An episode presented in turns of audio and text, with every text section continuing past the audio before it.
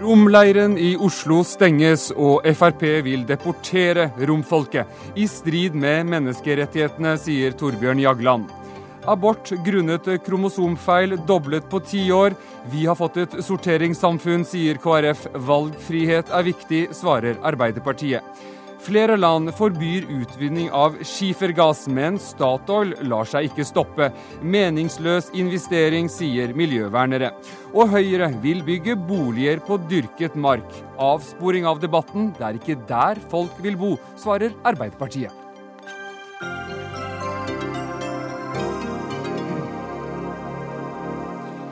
Velkommen til Dagsnytt 18. Jeg heter eh, Erik eh, Aasheim. Først til eh, romfolket. Bydel Bjerke i Oslo har for noen minutter siden bestemt at den omdiskuterte leiren til romfolket på Årvoll i hovedstaden må stenges. Vi håper å komme tilbake til dette. men Siv Jensen hun vil gå enda lenger. Nok er nok. Sett opp busser og send dem ut av Norge. Det sa Frp-lederen til Dagsrevyen i går. Og eh, Aksel Hagen, stortingsrepresentant for SV, du er sjokkert over hvor prinsippløs en part, partileder kan være, og, og, og, og sikte til Jensen. Hva legger du i det? Jeg er sjokkert, men egentlig så var jeg litt i tvil om vi skulle le eller gråte at en partileder kan komme med et utspill som er så til de grader urealistisk og prinsippløst i forhold til EØS-regelverket som vi sjølsagt må forholde oss til. Mm. Og da tenker du på? Nei, Vi har gitt oss alle en rett til å krysse landegrenser for kortere tidsrom, og det syns jeg er en flott mulighet som vi alle har, og det er den muligheten som romfolket her benytter seg av benytte seg av. og Det er årsaken til at noe kommer til oss, og da må vi forholde oss til det. Ja, Nestleder i Fremskrittspartiet, Per Sandberg, er du like prinsippløs som din partileder? Jeg er overhodet ikke prinsippløs, eh, men at det er et prinsipp det handler om, det er helt eh, riktig. Og det er klart at eh, Vi skulle ha tatt stilling til det her på et langt tidligere tidspunkt. Noe Fremskrittspartiet faktisk advarte imot når EU ble utvida i sin tid. Da vi hadde overgangsordninger da hadde vi muligheter for å regulere det her på en bedre måte. Men nå har jeg fremma et forslag i Stortinget eh, for en gang for alle eh, finne ut hvilket handlingsrom vi har innenfor EØS-avtalen. For jeg kan ikke min villeste fantasi innbille meg at EØS-avtalen har åpna for den type eh, innvandring som vi er vitne til her. Det kan ikke være sånn at hvem som helst kan komme til Norge, campere hvor man vil, og eh, skape den type uro som fører med seg kriminalitet i tillegg. Men hvorfor skal en hel folkegruppe deporteres ut av landet, eh, Sandberg? Nei, men det handler, ikke, det handler, ikke, om en folkegruppe, det handler om alle som måtte oppføre seg på samme måte som disse som er i fokus nå.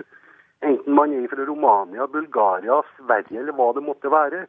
Det kan ikke være sånn at man skal komme til Norge og slå opp campingplasser uten sanitæranlegg, uten fasiliteter, uten sikkerhet. Jeg er sikker på at en rekke grunneiere rundt omkring i Norge nå spekulerer på hva i all verden er det som foregår. Som har prøvd å etablere legal, legale campingplasser rundt omkring. Der at fylkesmann og politikere har kommet inn og sagt nei. Her åpner vi for at hele Europa kan komme og campere hvor man måtte ønske seg uten sanitæranlegg det er jo helt meningsløst, og alle skjønner det at EØS-avtalen ikke åpner for det. Og Nå skal vi høre bare aller først her eh, hva Oslo akkurat nå har bestemt seg for. Altså Bydel Bjerke de, de, har altså sagt at den omdiskuterte leiren til romfolket på Årvoll i hovedstaden må stenges. Og, og leder i Bjerke bydelsutvalg, Steinar Arnesen, eh, hva er begrunnelsen?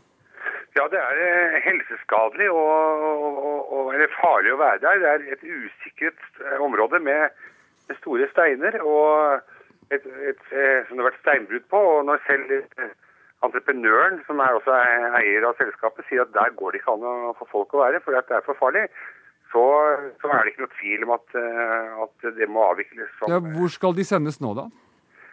Ja, det er jo et helt annet spørsmål. Eh, men Det er vel et spørsmål man må stille seg før man stenger en leir? Ja, men det er da et spørsmål som, som sentrale myndigheter må ta, må ta for Vi kan ikke ha det slik at små boligområder og kommuner og bydeler rundt omkring eh, må ha ansvar for å løse denne problemstillingen. Og, så Jeg ser frem til at, eh, at Justisdepartementet kommer med, med, med, nye retningslinjer, også da f.eks. på tigging. For at her, dette haster å få gjort noe med. Ja, vi, Dette er et problem som ikke, som ikke kan flyttes rundt. Vi har ikke med Justisdepartementet her, eh, men, men eh, Per Kristian Foss, eh, du er stortingsrepresentant for Høyre. Du syns selvfølgelig det var en god idé å stenge denne leiren? Jeg syns det er en god idé å overlate beslutningene til de som har ansvaret. Mm. Nemlig bydelen og Oslo kommune og slutte å, å leke, leke uttalelser med å sende dem hjem og, og, lignende ting. Dette er EØS-borgere som skal behandles på den ordinære måte individuelt. Det er ikke adgang til å komme til Norge under EØS-avtalen e og tro at man skal få opphold på, på mottakerlandets bekostning. Mm. Altså tro at Norge er et gratis hospits for resten av Europa. Det er en ren illusjon. Det er to muligheter til å oppholde seg her. Det er å søke om arbeid i inntil tre måneder så er det hjem igjen hvis man ikke, ikke får arbeid, eller å komme hit som turist og, og, eh, bekoste eget opphold. Eller så må, må man reise tilbake. Og det er verken bydelen eller Oslo kommune som har ansvar for å tilvise nye, nye tomter eller campingplasser. Mm. Men når du hører Per Sandberg fra Frp her da, som, som måte, vil deportere dem, hva tenker du om det? Det er i strid med, med loven.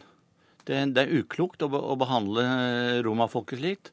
For det første fordi det er en forfulgt minoritet i Europa, å begynne å behandles som en gruppe, det, er, det tilhører ikke et sivilisert land som Norge å gjøre. Ja, for Sandberg, eh, hva sier du til det? Ja, Nå må Per Kristian få Foss ta seg litt på tak her. Jeg har ikke snakka om noen gruppe i hele tatt. Jeg inkluderer alle som måtte komme på samme måte som disse personene. Men det er vel ikke, helt, det er, altså, det er ikke tvil, eh, tvil, om hvem vi snakker om her, Per Sandberg. Altså, Siv Jensen har sagt at nok er nok. Sett opp busser og send ja. romfolket ut av Norge. I dette tilfellet så er det da disse menneskene vi snakker om. I mm. neste runde kan det være andre. Jeg ser, registrerer det et svært oppslag i Dagbladet i dag der at eh, det er en katastrofe fordi, for Norge fordi at litauiske bander kommer fritt i Norge og begår kriminalitet. Men nå, nå, tror jeg Sandberg blander kortene litt. Grann. Nå snakker vi om romfolk, Sandberg. La oss holde oss til dem nå, ikke alle som gjør noe ulovlig i Norge. Jeg vil gjerne utfordre Per Kristian Foss, når han er så kategorisk i forhold til EØS-avtalen. Er det altså slik at uavhengig av hvilket land du måtte være bosatt innenfor EØS-området, så kan du komme til Norge på denne måten, enten med eller uten reisedokumenter? Hvis du hørte hva jeg sa, så sa jeg veldig tydelig at det er to muligheter til å komme til Norge. Dere kommer som turist og bekoster et eget opphold. Og den andre muligheten er å komme hit for å søke arbeid og bekoste et eget opphold og være her inntil tre måneder, og så er du ute igjen. Det vet du godt, Sandberg. Ja, og når man ikke har gjort det, hva gjør man da, Per Kristian Foss? Da må man reise. Nasjon en mulighet, og det å sende disse da må, man, da må man reise, men det er ikke slik at Norge bekoster busstur hjem. Dette er folk som har kommet hit, per, kommet hit per bil, og da skal de returnere på vanlig måte. Akkurat som alle andre behandles. Men de skal ikke, de skal ikke behandles som en gruppe fordi de bor på samme eh, campingplass, holdt jeg på å si, på samme område. De skal behandles individuelt, avhengig om, om eh, de har søkt arbeid eller unnlatt å gjøre det i, i tre måneder. Da kan politiet sende dem hjem igjen. Uh, Torbjørn Jagland, du er generalsekretær i Europarådet, og du har engasjert deg i romfolkets situasjon. Finnes det hjemmel i europeisk lov for å deportere en hel folkegruppe fra et land?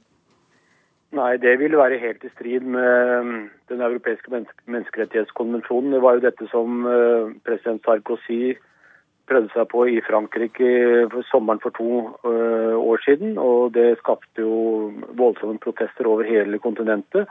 Og Sarkozy måtte, um, uh, måtte da gjøre om den beslutningen og gå inn for en individuell behandling. Og Det er jo det som er poenget, at man kan ikke bare deportere folkegrupper. Man må, Hvert enkelt menneske har krav på en individuell behandling. Én ting er EØS-avtalen, som har sine bestemmelser, som Per Kristian Foss helt riktig beskriver, men den andre er da menneskerettighetskonvensjonen, som eh, stiller veldig strenge krav til hvordan man skal behandle enkeltmennesker. Men nå hørte du her at leiren i, i, i Oslo, eh, hvor de har holdt til eh, de siste dagene, altså i helgen, vil bli stengt. Er det, er det en god løsning, eh, syns du, Jagland?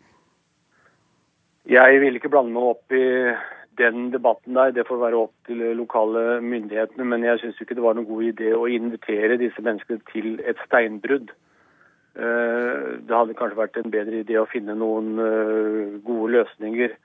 Inntil de da må reise hjem i henhold til de reglene som finnes innenfor EØS-avtalen og hvordan det skal behandles i forhold til menneskerettighetskonvensjonen. For to år siden så tok du Jagland, initiativ til en gruppe som, som skulle jobbe, jobbe med situasjonen for Europas 11 millioner romfolk. Men når vi ser på levevilkårene for romfolk i Norge og ellers i Europa, så, så har du vel ikke akkurat lykkes med dette arbeidet? Jo, det har vi, men det tar veldig lang tid. Vi har faktisk gjort noe veldig konkret. Og det er at vi eh, har utdannet nå eh, 1000 eh, såkalte mellommenn eller -kvinner, som da utplasseres i de områdene der romfolket bor. og Det er jo særlig Romania, Bulgaria og Ungarn. Som skal hjelpe disse menneskene til å få eh, den eh, service og utdanning, helsestell og jobbtilbud som de har eh, krav på. For det er et faktum at de diskrimineres der de bor. Og der løs løsningen må finnes der. Og da må noen gjøre noe konkret, ikke bare snakke om det. Og vi har begynt å gjøre noe konkret, og det har blitt faktisk en suksesshistorie. Og flere land har nå meldt seg på dette programmet og vil ta del i det. EU eh, støtter opp om det, og de har også ganske store investeringsprosjekter på gang. Så, men ting tar lang tid, mm. eh, også fordi at det er voldsomt mye fordommer eh, blant folk. Eh, mot romfolket. Men Du har også sagt at de europeiske landene, eller mange, ikke overholder sine forpliktelser overfor romfolket. På, på hvilken måte? Hvilke forpliktelser har man? Nei, Man har forpliktelser om å behandle disse menneskene på, som alle andre. Kan nevne at Strasbourg-domstolen under Europarådet har da avsøkt dom mot Den tsjekkiske republikk, som da systematisk sendte romfolkets barn til uh, skole for psykisk utviklingshemmede.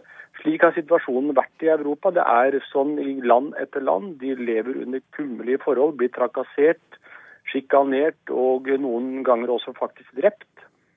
Uh, og dette må det gjøres noe med. Det må gjøres noe konkret. Det tar lang tid, men noe, uh, noen konkrete ting er satt i verk nå, både fra Europarådets side, men også fra EUs side. Uh, Aksel Hagen fra SV, hvordan syns du Norge behandler romfolket? Ja, vi kan sikkert gjøre mye mer enn det vi har gjort så langt. Men akkurat nå tror jeg veldig mange er opptatt av nettopp å gi det mer oppmerksomhet og gjøre mer. Og det er det som er så trist med Siv Jensen sitt utspill, er at hun tar fokuset vekk ifra det viktige arbeidet. At hun spiller på fordommer, at hun drar i gang feil debatter.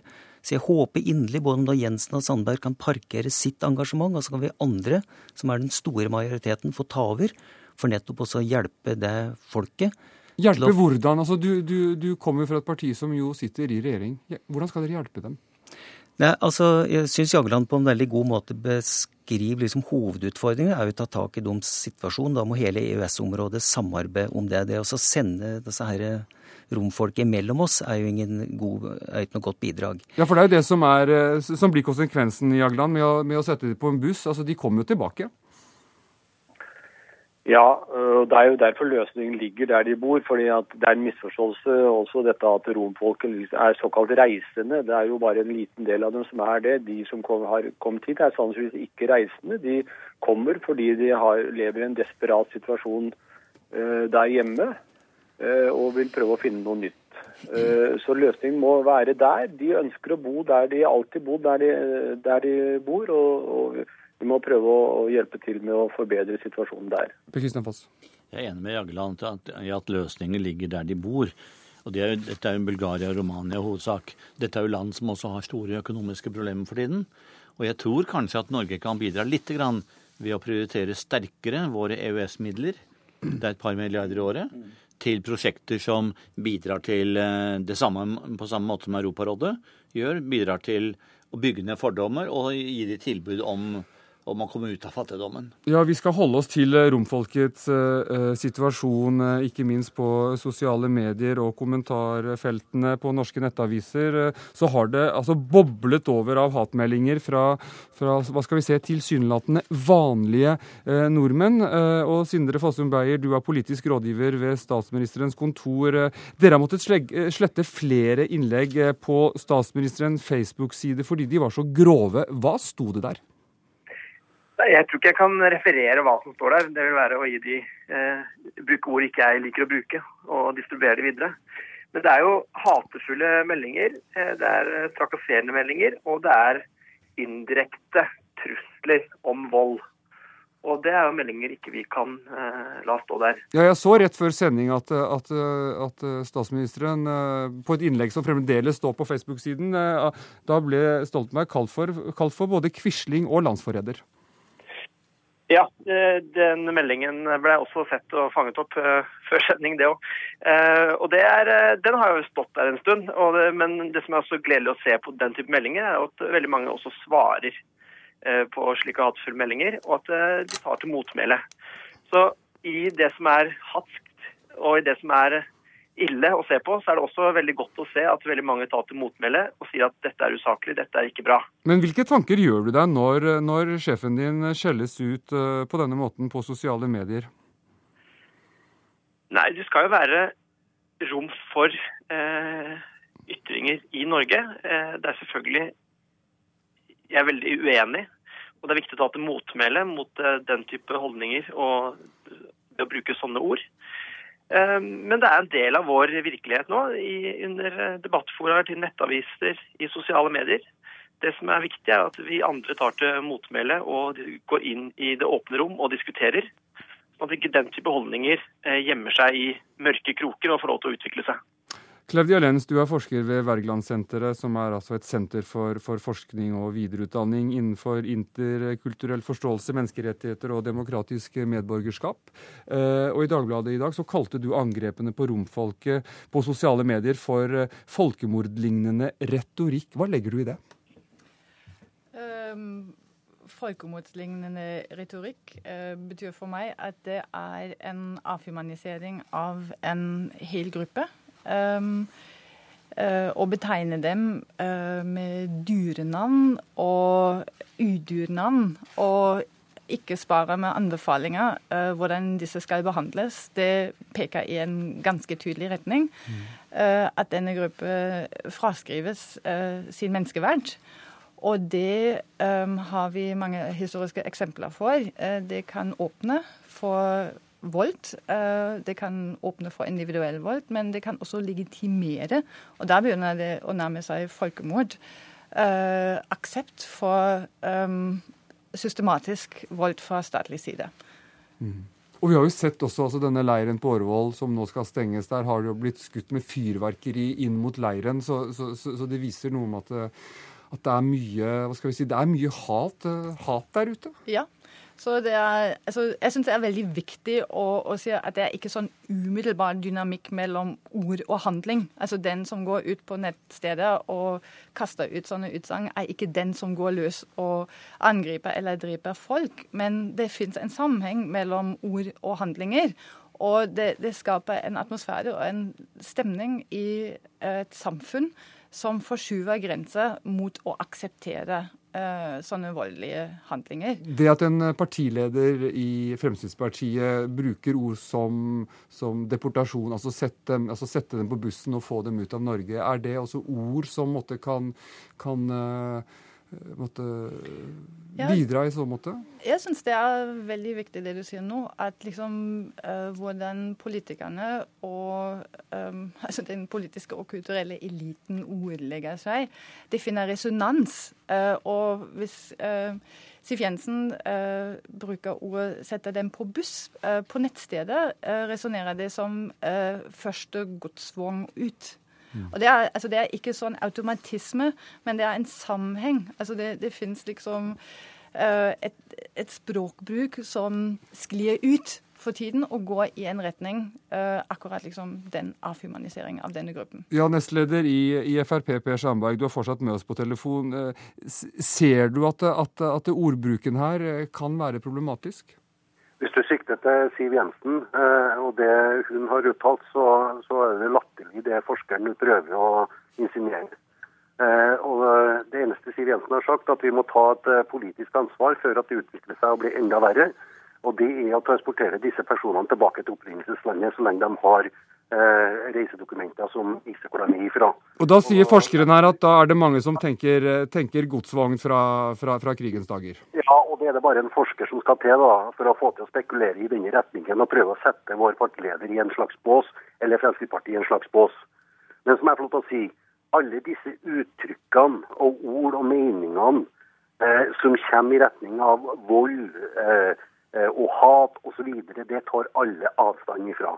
Men det er altså resultatet av systemene og strukturene som må angripes. Og det vil jeg anbefale alle å gjøre. Det har ingenting med disse enkeltmenneskene eller gruppene å gjøre overhodet. Mm. De gjør det som er nødvendig for å forsørge seg og sine, og da flytter de over landegrensa. Men det er de systemene som er laga innenfor EØS og innenfor Norge, som ikke har en sånn standard og en sånn kapasitet at man ikke greier å ivareta disse menneskene på noen slags måte. Og Da skaper man slike situasjoner som man har gjort i Oslo. Mm. og Derfor så vil jeg be alle som da er kritiske til det som er i ferd med å skje nå, særlig hovedstaden vår, og heller angripe system og struktur. Ja, Det har vi allerede snakket om eh, tidligere i, eh, i, i Dagsnytt 18. Kleda Lens, du svar kort på det Sandberg sa her. Kort. Eh, det som jeg syns er veldig viktig her, det, det, er dette med gruppetenkning. Og det som ble sagt før, det å, å, komme med et utspill og sette en hel gruppe på buss, det, det, det, sier at vi tenker hele gruppen og behandler dem ikke som individer. Og i alle fall ikke behandler dem som handlende individer som kan bidra til en løsning. Rune Berglund Steen ved Antirasistisk Senter. Eh, hvor kommer alt dette grumset fra som vi nå ser på sosiale medier? Det er klart at Grumset bygger jo videre eh, på retorikken man hører fra noen politikere. Retorikk som reduserer romfolket til et problem, noen som skal fordrives. De er noens problem, bare ikke vårt. Eh, det bygger videre på, på en ganske hardhendt behandling fra politiet, som også har litt den samme tilnærmingen. Disse skal, disse skal drives bort. Og resultatet av liksom dette samlede presset fra såpass mange hold mot denne gruppen, eh, er jo noe som tidvis nå begynner å ligne det vi pleide å kalle en, en eh. Og, så her er det behov for å, for å roe gemyttene. Og, og, hva en Sandberg nå sier, så Han sier fortsatt kommer fine nyanser her, men det endrer ikke på at hva Siv Jensen gjorde i går, var alt annet enn å roe gemyttene. Når man begynner å snakke om, om, om nærmest storstilt deportasjon. Men sammenlignet, altså, hvis du da ser på, ser på romfolka, går man, går man lenger i å være hardere med dem enn med, enn med andre innvandrergrupper, f.eks.? Ja, utvilsomt. Altså, det fremstår som at politiet har en ganske klar eh, tilnærming til at disse skal, skal dels fordrives fra, fra Oslo sentrum. Eh, også retorikken mot dem jeg vil nok si frarøver dem eh, menneskelige verdier på et vis som, som, går utover det vanlige. Og det her på en måte man må Altså Romfolket står fortsatt i en historie som har vart i mer enn 500 år, med hat, fordrivelser, drap, som de fleste knapt er kjent med omfanget av. Men de står i den, og selv, selv det industrielle folkemordet på en halv million rom har på en måte ikke vært et vannskille for denne gruppen. Mm. Vi fortsetter å insistere på å forholde oss til dem som om historien ikke finnes. Men historien er det som har skapt en situasjon hvor de forblir Europas mest marginaliserte. De, mm. de er på den absolutte bunnen. Kledia Lenz, du, du, du, har jo litt, eh, litt tysk aksent, kan jeg høre. Og, og, du kan jo se oss nordmenn kanskje litt fra utsiden også. Ligger det et litt sånn grufullt monster skjult i den norske folkesjela når man nå leser Twitter og, og Facebook? Nei, det vil jeg ikke si. Jeg tror det og nå begynner å, å lure om det norske folkesjøet det går like gal vei. Fordi da, begynner man også å tenke liksom, gruppetenkning annen vei. Mm. Jeg tror det som må til nå, det, det er å, å, å, se at uh, det er en, en, et problem uh, som har vært til stede ikke bare historisk, men som samtidsproblem i Europa et par år, som er i farvann av den økonomiske krisen. Og altså, Vi snakker jo om hat, og hat er også koblet til frykt. Og den økonomiske krisen skaper rundt omkring i Europa veldig mye redsel og frykt. Og eh, Roma blir en sånn eh, en gruppe som det veldig lett går utover, fordi som du også har sagt, de, de, er og har vært veldig marginalisert. Så Norge er nå, som mange andre samfunn, rammet av et europeisk fenomen. Mm. Og, det og vi trenger noen å skylde på, altså. rett og slett. Ja, og det må vi forholde oss til. Takk til deg, eh, Claudia Lenn, som er forsker ved Wergelandsenteret, og til deg, Rune Berglundsten fra Antirasistisk Senter, og også takk til deg, eh, Per Sandberg, nestleder i Frp, som har vært med oss i Dagsnytt 18 helt fra starten, og til deg, Sindre Fossum Beyer, politisk rådgiver ved Statsministerens kontor.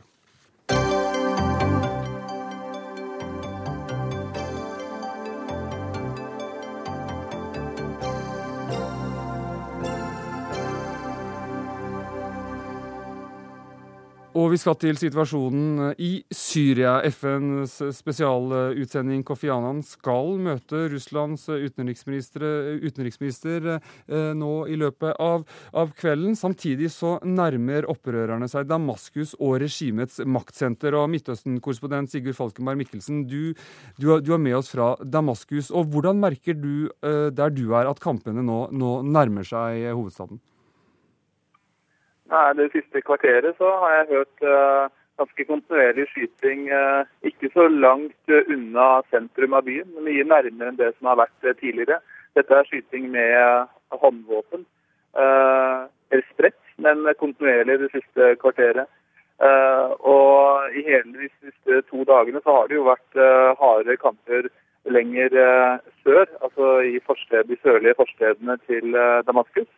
Uh, der har det blitt brukt uh, bombekaster, uh, og jeg har også sendt inn væpnede soldater, selvfølgelig, men også pansrede kjøretøy. og Der har hæren stengt av store områder. og Det er tykk røyk som kommer opp fra en del av de stedene. Sånn at man merker kampene også her i sentrum av Damaskus. Og Den internasjonale Røde Kors-komiteen har nå klassifisert eh, konflikten i Syria som borgerkrig. og Etter Genévekonvensjonen så gir det partene rett til å bruke eh, dødelig makt, faktisk. Og, og, Hva slags konsekvenser kan det få for eh, situasjonen på, på bakken, Falkenberg Mikkelsen?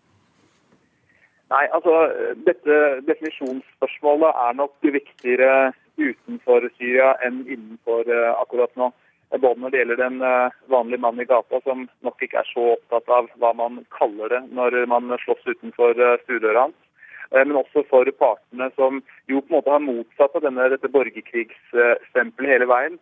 Fra regjeringens hold så har de jo fryktet at dette vil legitimere motstanderne, som de ser på som terrorister. Og fra opposisjonens hold så har de jo da villet på den ene siden fremholde at de er fredelige demonstranter, og på den mm. andre siden har de vært redd for at et slikt borgerkrigsstempel vil kunne eh, gjøre at det blir mer eh, voldsbruk. Eh, det er jo ikke det Røde Kors har tenkt her. Vi har jo bare tenkt å, å, å, å prøve å få dette inn i noenlunde håndterlige og rettslige former. Det kan få konsekvenser i et senere eventuelt rettsoppgjør, men det er langt fram dit. Det er altså viktige møter i, i, i Russland i kveld. og, og Falkenberg Mikkelsen, ha, ha, Har du noe inntrykk av at folk i Syria er opptatt av, av, av denne type møter? Altså, Vi er ikke så opptatt av, eh, av, hver eneste runde som gås internasjonalt, men det er klart vi er veldig opptatt av hva som skjer utenfor eh, landets eh, grenser. Det være seg om man støtter eller ikke støtter Assad. fordi Dette føles jo her også som en konflikt der det internasjonale samfunnet spiller en særs viktig rolle. Eh, det er opptatt av eh, selvfølgelig eh, Russland, om Russlands støtte til Assad vil fortsette. Og på den annen side, de som støtter Assad, er jo veldig opptatt av at dette er en konflikt som drives fram særlig da Saudi-Arabia og Qatar med støtte fra Vesten. Slik at uh, dette er den viktige uken som nå begynner internasjonalt, uh, følges uh, tett her også i Syria og kommer til å få konsekvenser. Helge Lurås, du er leder ved Senter for internasjonal og strategisk analyse. Russlands utenriksminister Sergej Lavrov sa før møtet, som skal være senere i dag, altså med Kofi Annan, at Vesten nærmest driver utpressing for å få Russland til å støtte en ny Syria-resolusjon. Det er sterke ord? Ja, det er det, og det tyder ikke på at han kommer til å gi etter heller når, når Ranan kommer nå. Han, han, henviser vel da spesifikt til uh, spørsmål om forlengelse av disse observatørene, uh, hvor da uh, en del av medlemmene i Sikkerhetsrådet ønsker å få det inn under såkalt kapittel 7, altså ved bruk av, av, av makt mot Syria, hvor da Russland motsetter seg det. Mens da Russland ønsker en fortsettelse av observatørmisjonen, også Kofi Annans bestrebelser. Mm. Eh, hvorfor er det viktig for Kofi Annan å møte Russlands utenriksminister i dag? Altså, Kofi Annan har prøvd å holde en dialog med alle de eh, eksterne partene som faktisk spiller en rolle i, i, Syria, og da har jo Russland der spilt en sentral rolle opp til nå ved å gi eh, Assad en form for forsikring om at FN, en FN-mandat ikke vil være aktuelt. Russland har jo tidligere Sovjetunionen også lange forbindelser med Syria og har nok en, en ganske utstrakt kjennskap til hva som foregår internt, også når det gjelder hvilken støtte, eventuelt ikke-støtte Assad har. Så jeg tror uansett så vil Russland spille en, en rolle virker som Annan har forstått at han kan ikke bare basere seg på de landene som eh, jobber for, en, for et snarlig fall av Assad. Han må også inkludere andre. Han har jo også vært på besøk i Teheran, bl.a. Mm. Hvor, hvor stor innflytelse har egentlig Russland på Assad-regimet? Det er litt vanskelig å si. Jeg tror, i, jeg tror, i, en tidlig fase så kunne det kanskje vært mer betydningsfullt eh, fordi det kunne signalisert Assad at hans eh, dager uansett var talte, og at han ikke hadde gått i den eskaleringen av voldsbruk som han rent faktisk har. Men akkurat i øyeblikket så tror jeg denne borgerkrigen har gått for langt til at en eventuell snuoperasjon fra russernes side vil endre kalkylene Assad gjør seg. Takk for at du var med oss i Dagsnytt 18, Helge Lurås ved Senter for internasjonal og strategisk analyse.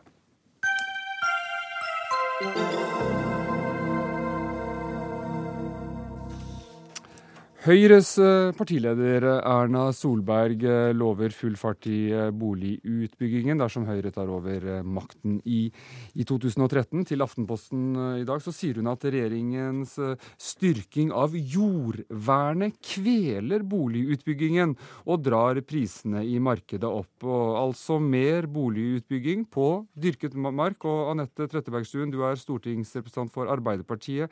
Kan ikke dette forslaget løse noe av boligproblematikken? Trafikken i de store byene? Der vil jeg si både ja og nei. Men aller først vil jeg si at det, er positivt at, uh, at Erna Solberg og Høyre eh, imøtekommer Arbeiderpartiets ønske om en ny politisk offensiv for en bedre politikk for boligutbygging. Vi hadde et boligutvalg som før påske uh, kom med 35 nye forslag for å få fart på boligutbygginga. Det, det, det, er viktig. Hva var det du ikke liker ved Høyres forslag, da? Jo, altså, for å si det sånn, ta det først.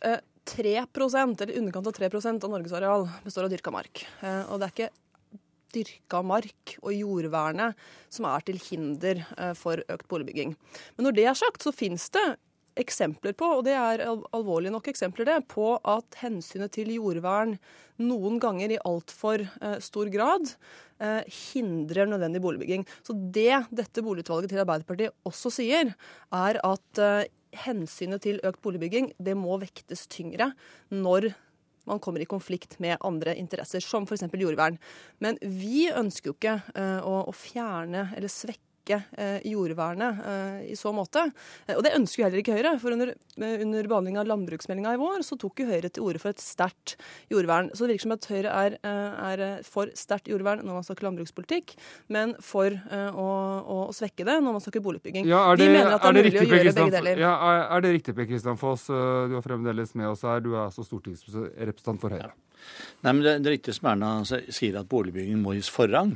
For nå sitter jo uh, Trettebergstuen her og sier at en, det er en rekke målsettinger som, som, kolliderer.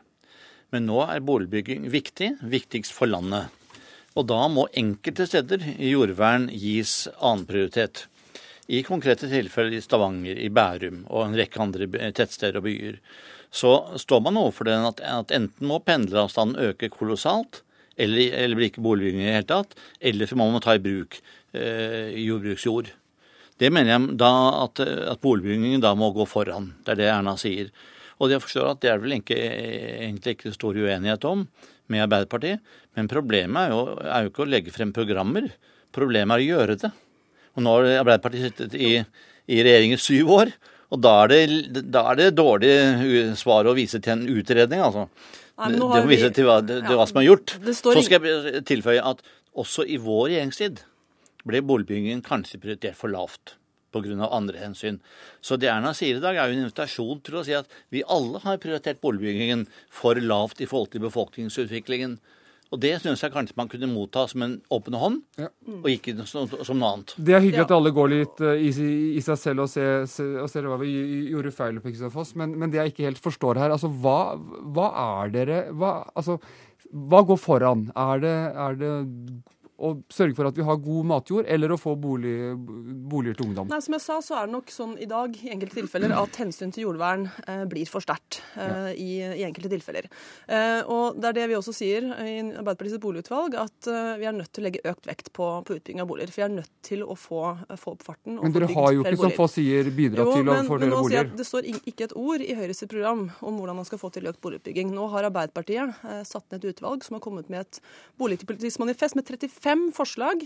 Eh, Det er ingen quick fix på å få løst situasjonen i boligmarkedet, men vi har snakka med næringa, hørt på ekspertene og lagt fram et program som, eh, som vi tror vil, eh, vil kunne få effekt. Ja, for Kristian Foss, Folk vil jo ikke bo på et jorde langt fra byen. Altså, hva, hva, hva oppnår du med Nei, dette? nei, det er nettopp fordi jordene ligger nær byen at de er interessante. Ja, det er der er det- konflikten oppstår. ja, mm. Det er bare noen få, få steder at det er konfliktlinjen. Jeg er enig med Trettebergstuen i at det å, det å la jordvernet vike ikke løser alle problemer. Det har heller ikke Erna sagt. Men det er jo ikke så mye del- dyrket jord i akkurat de områdene folk vil bo, da, som jo er, er sentralt. Eh, Jo, det er det.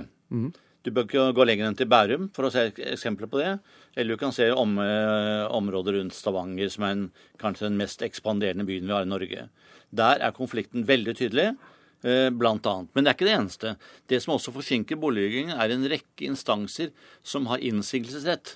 Så det tar for lang tid å få en plan og en reguleringsplan og et boligprosjekt frem til realisering. For mye statlig byråkrati, altså, Trettebergstuen. Ja, det er nok eh, noen ganger litt for mye statlig byråkrati. Og det har vi sagt at det ønsker vi å se på. Gå gjennom plan- og bygningsloven og se på de instansene som har innsigelsesmyndighet. Men det sier gjøre det, min- at, men for det sier mindre at det har dere snakket om lenge nå i syv år. Nei, det har vi, vi har også gjort mye. Regjeringa har også gjort mye for å forenkle eh, saksgangen. Men poenget her er jo ikke at jordvern, jord, ikke jord, jordvernet er liksom ikke skylda eh, for de høye boligprisene og boligmangelen i Norge. Vi ser på at det, det er i områder med, med, med press, Oslo og de tilliggende kommunene, at problemet er størst.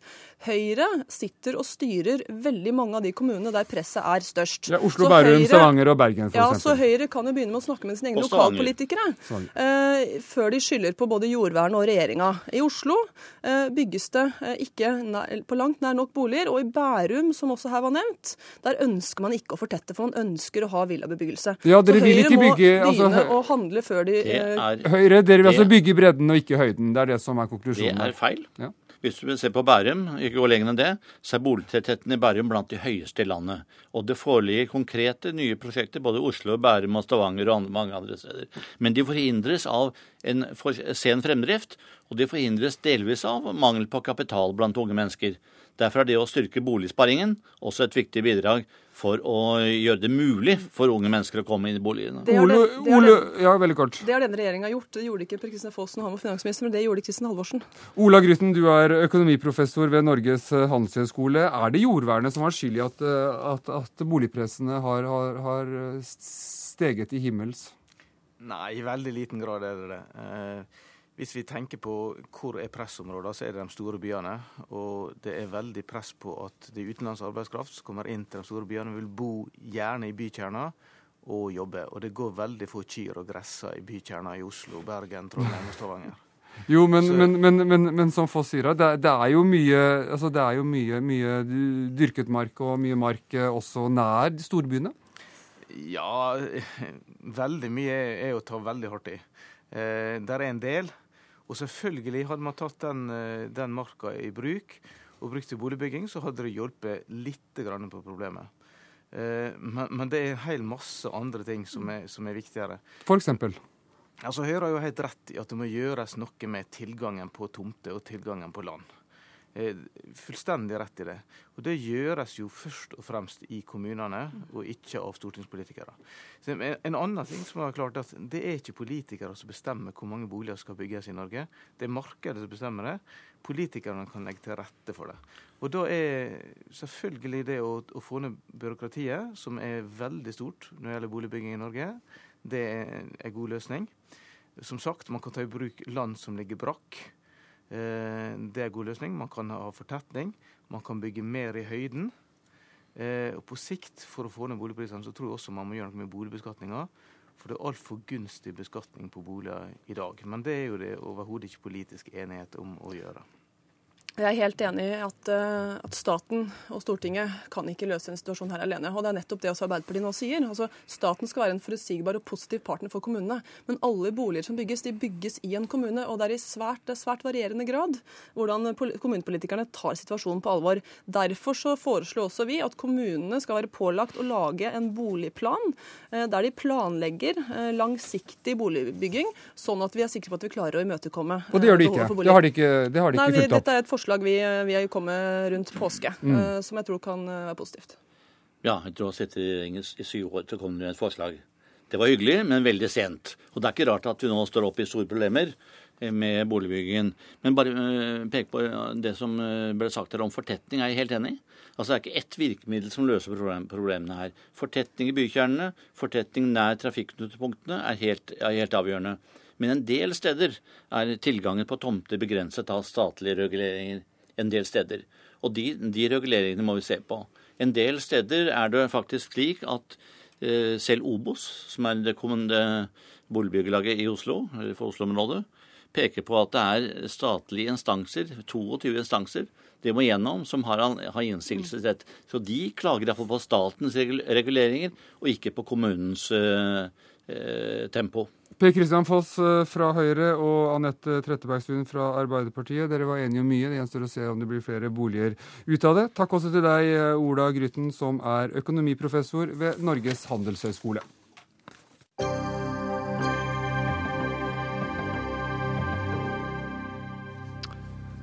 Antallet aborter eh, utført grunnet eh, kromosomfeil på fosteret er doblet på ti år. Det viser tall som eh, Medisinsk fødselsregister har sammenstilt for NRK. Og det er altså flere årsaker til den store økningen. Og, og Guttorm Haugen, du er overlege ved Rikshospitalet i Oslo. Og, og, og, hva kan være årsaker til økningen i antall aborter grunnet kromosomfeil hos, hos fosteret?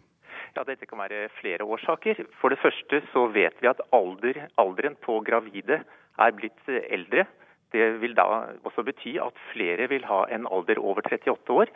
Og det er jo de som da får tilbud om diagnostikk. Så vet vi også at et økende antall av de over 38 år ønsker å ta en prøve nettopp for å finne ut om fosteret har en kromosomsykdom. Eh, for ti år siden så var det en 40-50% som tok fostervannsprøver nettopp for å finne dette. I dag vil andelen være større eh, som går inn for en eller annen form for diagnostikk. Hva er det som kan oppdages ved, ved tidlig ultralyd? Ja, og Dette er nettopp kjernen i det. Eh, tidlig ultralyd det gjør man jo da ved tolv uker istedenfor en fostervannsprøve som man før gjorde ved 16 uker.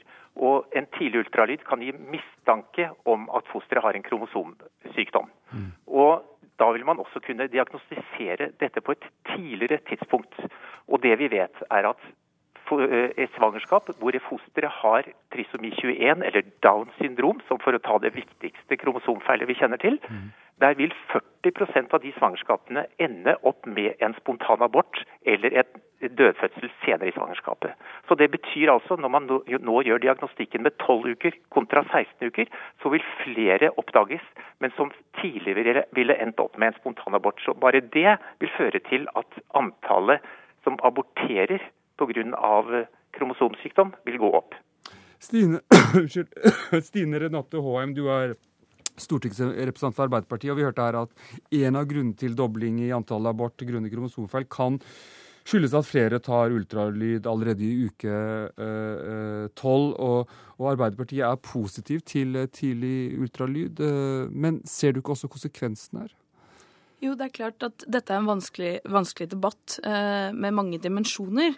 Eh, men for Arbeiderpartiet handler det om at vi ønsker at alle skal ha lik rett til gode helsetjenester. I dag er det sånn at de som ønsker det, kan ta tidlig ultralyd.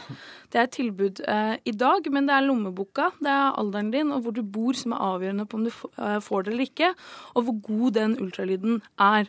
Og dette er kunnskap som, som i enkelte tilfeller kan bidra til å redde liv. Det er kunnskap som gir trygghet for mor eh, og barn.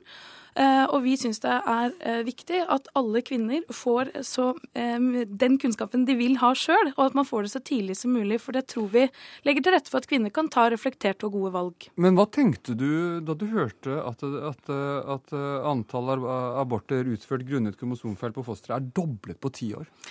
Ja, Det er viktig å si at det er fra 50 til, til 100 på, på eh, ti år. Og som vi også hørte, så er en del av disse eh, abortene de gjøres da eh, etter tolvte uke, men ville uansett endt i en spontanabort. Det gjør at man f.eks. kan spare veldig mange kvinner for den opplevelsen er å gå gjennom en, nesten et halvt svangerskap, for å så spontanabortere og gå gjennom en minifødsel. Det er en psykisk belastning for veldig mange, som man da kan spare de kvinnene for. Leder av Kristelig Folkeparti, Knut Arild Arild Hareide. Hvordan, eller, hva tenker du om disse aborttallene?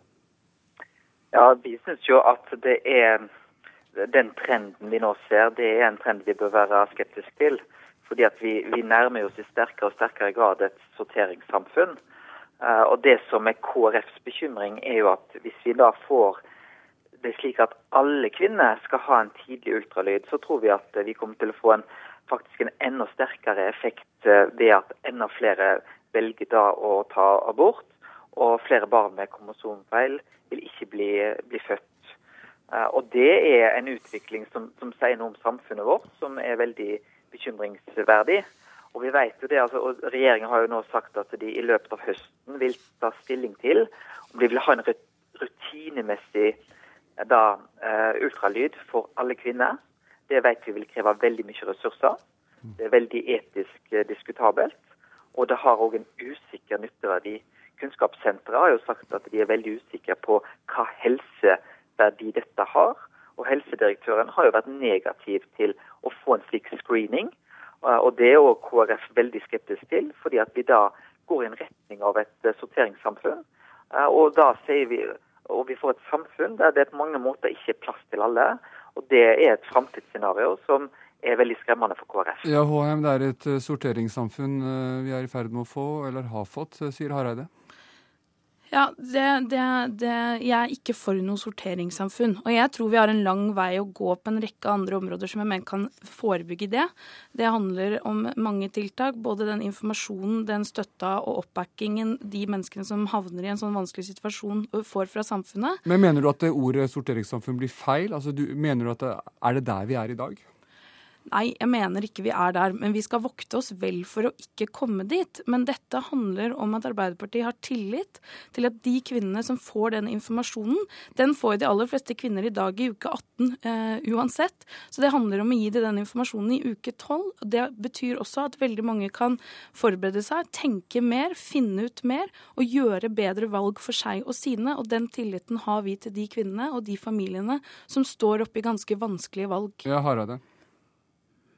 Arbeiderpartiet sier at de skal vokte oss vel for å gå i retning av et sorteringssamfunn. Men jeg syns vi skal òg se på hvilke erfaringer vi har bl.a. fra Danmark.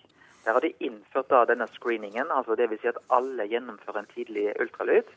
Der ser vi altså da at ni av ti barn med Downs syndrom i Danmark blir ikke født eh, lenger. Vi vet det at fortsetter den utviklingen, til 2030 så vil det ikke bli født barn med Downs syndrom i Danmark. Eh, og vi vet at eh, de gruppene som jobber med dette, er betydelig skepsis til dette. Dvs. Si fagmiljø, de, de, de, største og viktigste fagmiljøene våre er skeptiske til dette. Eh, helsedirektøren, Kunnskapssenteret sier hva er egentlig helsegevinsten av dette. Det vi vet, er at den type ultralydsundersøkelser er veldig god på nettopp å ta ut kromosonfeil. Det er på en måte det som en gir, og det er den kunnskapen og den effekten en tar ut, og Det er altså da med på å gjøre at bl.a. barn med Downs syndrom, men òg barn med andre egenskaper, eh, dessverre ikke blir født. Siri Fuglum Berg, du er eh, spesialist i anestesi, og du har selv et barn med, med, med kromosomfeil som du valgte å bære frem. Var det et vanskelig valg? Eh, for meg var det ikke det, for jeg hadde, hadde vel knytta meg såpass sterkt til barna allerede i uke tolv da vi var til tidlig ultralyd. Eh, at det føltes ikke som noe valg i det hele tatt. Og Stine påpeker jo at det må være enklere å da velge en selektiv abort rundt uke tolv enn å spontanabortere senere. For meg så føltes det veldig mye enklere da å la naturen, gå sin gang. Mm. Og hvis, hvis, jeg skulle miste det barnet to uker fram i tid uansett, så slapp jeg i hvert fall da å leve med å ha gjennomført en selektiv abort. Eh, jeg vil gjerne få påpeke at Stine har eh, faktafeil. Det hun snakker om tidlig ultralyd, som veldig mange får utført, er slett ikke fosterdiagnostisk ultralydundersøkelse. Det får kun 10% av norske kvinner gjennomført. Eh, det høye tallet de nevner, det står for alle typer andre ultralydundersøkelser i svangerskapet. Mm. For å se på lengde av svangerskapet, antall fostre, om det er hjertelyd. Så det er slett ikke riktig at alle etterspør denne undersøkelsen. Um, og det er riktig sånn som um, Haugen sa tidligere, at det er kromosomfeil man da på, påviser. Og det undrer meg også at hun sier at man vil ha et mangfoldig samfunn, og man vil satse på disse barna og gi dem en god oppvekst, og hun også samtidig er for å innføre en screening hvor man skal lete etter nettopp disse avvikene. Det, i, det, bare i det ligger jo en oppfordring og en forventning om at de skal velges bort. Du, du har selv uh, startet Siri Fuglenberg, en, en nettside for å gi informasjon til foreldre med kromosomfeil, fordi du mener at det er altfor lite informasjon til dem som velger å, å ikke ta abort grunnet da, kromosomfeil hos fosteret. Uh, hva slags informasjon er det du savner? Altså, den informasjonen man får ved genetisk veiledning, er jo ensidig negativ. Du får vite de dystre medisinske fakta om tilstandene. Du får ikke vite noe om hvordan det er å bære fram eller leve med et slikt barn. Du får ikke noe alternativ til abort presentert. Det tas som en selvfølge at du velger abort. Og gjør du det ikke, så blir man gjerne, eller svært ofte, blir det stilt spørsmål med valget.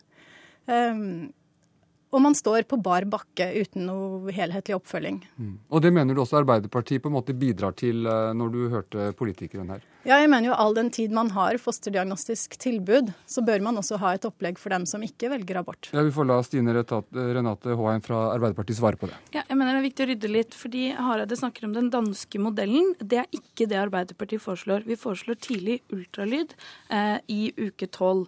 Det er det i dag. Når eh, eh gravide kommer til ultralyd i uke 18, så er det nesten 60% som allerede har tatt den uh, tidlige ultralyden. Ikke, ikke fosterdiagnostisk ultralyd, Nei, det er feil. Ja, men den tidlige ultralyden, det står også referert i NRK-artikkelen. Så er det viktig å si at det dette skal være et tilbud som er valgfritt.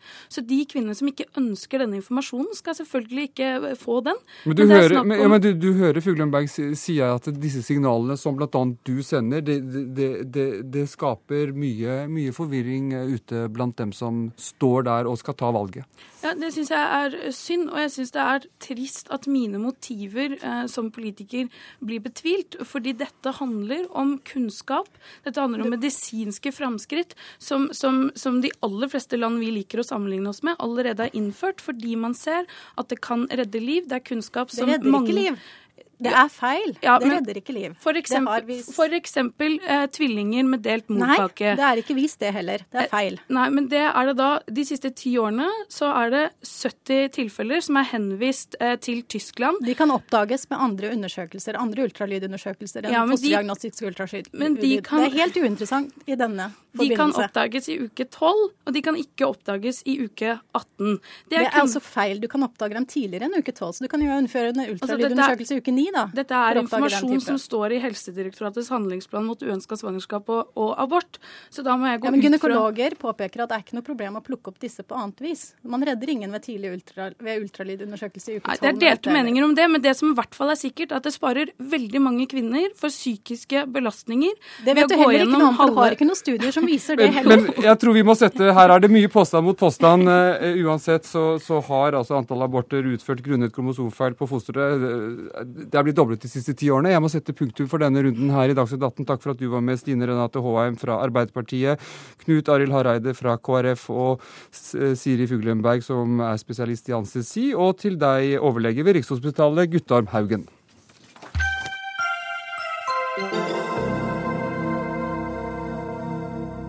Nå skal vi snakke om det som på godt norsk heter eh, fracking. Det er altså en metode for å utvinne naturgass fra skiver, eh, skifer.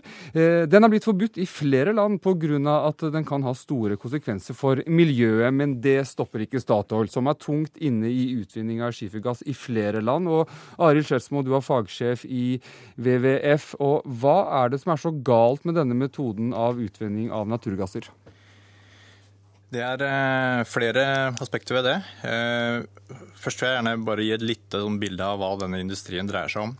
Eh, I Norge er vi vant til at olje og gass er noe vi utvinner ved å ha en boreplattform langt ute i Nordsjøen. Borer et høl eller to, og så står det der og pumper opp og gir penger i statskassa i 40 år. I denne industrien er, og med denne metoden så er det snakk om enormt mange og og mindre produksjon fra hvert hull. Og bokstavelig talt tusenvis av hull som skal bores. Så det er enormt arealkrevende i form av at, hver, at du må sette opp borerigger på tusenvis av plasser, lage infrastruktur i form av veier og rørledninger mellom disse. Og dette kan få store miljømessige konsekvenser, mener du? Både i form av at du da i, i noen områder, som der eh, Statoil er inne i, i Pennsylvania f.eks., hvor det er urørte naturområder relativt sett, og i form av eh, konsekvenser for grunnvannet, eh, som kan forurenses når når man ved denne produksjonen pumper kjemikalier med høyt trykk ned i grunnen eh, for å sprenge opp fjellet.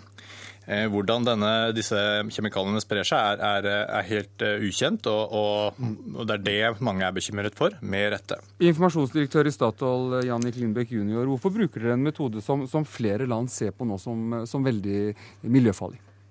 Bare si litt om bakgrunnen her. Altså, Statoil gikk inn i skifergass i, tilbake i 2007, veldig tidlig. Ehm, siden den gangen så har det skjedd en, eh, noe nær en revolusjon eh, i energibildet i USA. Der eh, skifergass er blitt en, en viktig del av, av, energiforsyningen. I dag er det slik at 60% av den gassen som kommer til markedet i USA, kommer fra skifergassproduksjon. Men det, det, er faktum, men det vi snakker om nå, er altså denne metoden fracking, som vi hører miljøvernere mener er meget miljøskadelig. Det er riktig. Fracking er den metoden som brukes for å utvinne disse ressursene. Det man gjør, er at man borer brønner, slik vi har gjort på norsk sokkel eh, gjennom 40 år, eh, og eh, ned til ca. 2000 meter under grunnen. Og så borer man deretter horisontalt før man injiserer vann under høyt trykk for å sprekke opp eh, berglagene, slik at gassen kan migrere opp til brønnhodet og Med produseres. Stor, ja, Da er vi på faktaboksen igjen her, ja. Eh, Lindbekk. Men det er, det, er om, jo, det er, viktig, men jeg spør om hva mener du om dette? F.eks. når du sier at disse borehullene altså på 2000, altså 2000 meter dype, så er det også fare for utslipp av giftige gasser som, som metan f.eks. Ja, det, det, er særlig tre forhold som, eh, som er krevende knyttet til denne metoden. Eh, det ene er eh, det som du har pekt på, eh, nemlig migrering av gass opp til høyere lag i grunnen. Og det har, har ført til, til, episoder der man har fått forurensning av drikkevann.